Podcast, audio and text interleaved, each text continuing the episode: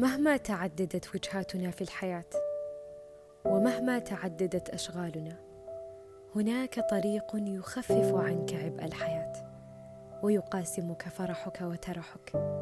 طريق يضيء لك كلما انطفأت جذوة الشغف بداخلك.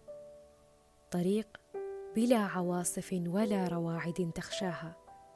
طريق يستوقفك لتبصر الجمال في نفسك. وأنت تستريح في إحدى محطاته. تجلس فلا يزهقك طول الانتظار بل لتتأمل وتعيش كل لحظة يهب فيها نسيم لطيف فينسيك ما قاصيت في يومك.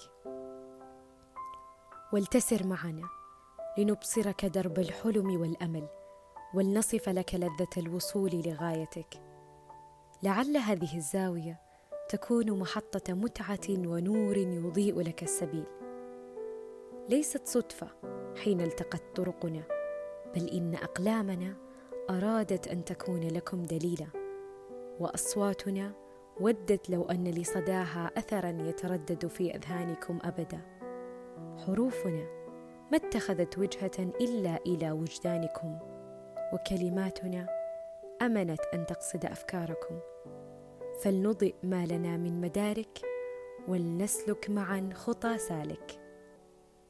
هذا البودكاست مقدم من النادي الثقافي الاجتماعي بكلية الحقوق والعلوم السياسية في جامعة الملك سعود.